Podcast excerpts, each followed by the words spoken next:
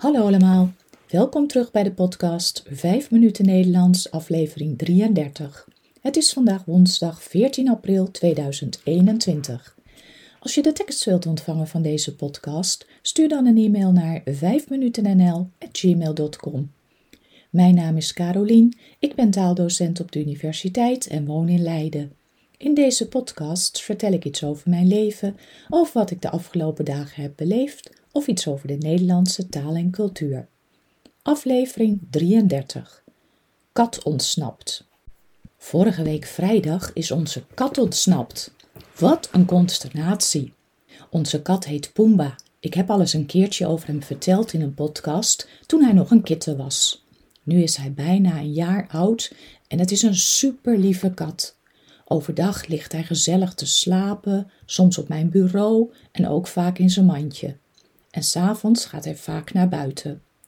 Vorige week had hij gevochten met een andere poes en had een grote bult aan zijn kaak. Dus hebben we contact opgenomen met de dierenarts en die zei dat we maar even langs moesten komen om er naar te laten kijken. Vrijdagmiddag om half vijf hadden we de afspraak. Ik had vrijdag een super drukke dag op het werk, dus Paul, mijn man, zou met Pumba naar de dierenarts gaan. Nu moet je weten dat Pumba het verschrikkelijk vindt in zo'n bak in de auto. Dus onderweg was hij al aan het protesteren en heel hard aan het miauwen.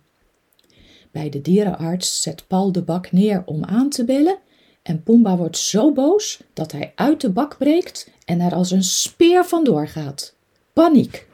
Paul erachteraan, samen met de assistenten van de dierenarts, maar Pumba was nergens meer te bekennen. In paniek was hij weggevlucht, misschien een tuin in, we wisten het niet. Paul belde mij of ik ook wilde komen zoeken. Dus ik snel op de fiets gestapt, etensbakje en poezenvoer mee. Het vervelende was dat de dierenarts in een heel andere wijk zit dan waar wij wonen, dus Pumba kende die buurt helemaal niet.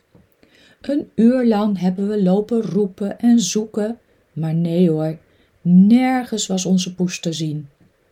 Op een gegeven moment zijn we maar even naar huis gegaan. We hadden allebei buikpijn van ellende en dus geen zin om te koken. Snel een broodje gegeten en weer terug naar de straat van de dierenarts. Weer rondjes lopen en zoeken en roepen, maar geen Pumba. De dierenarts was ontzettend behulpzaam en had intussen Pumba aangemeld op een site van vermiste huisdieren en hij had postertjes uitgeprint. Die hebben we bij alle mensen in de straat in de bus gedaan.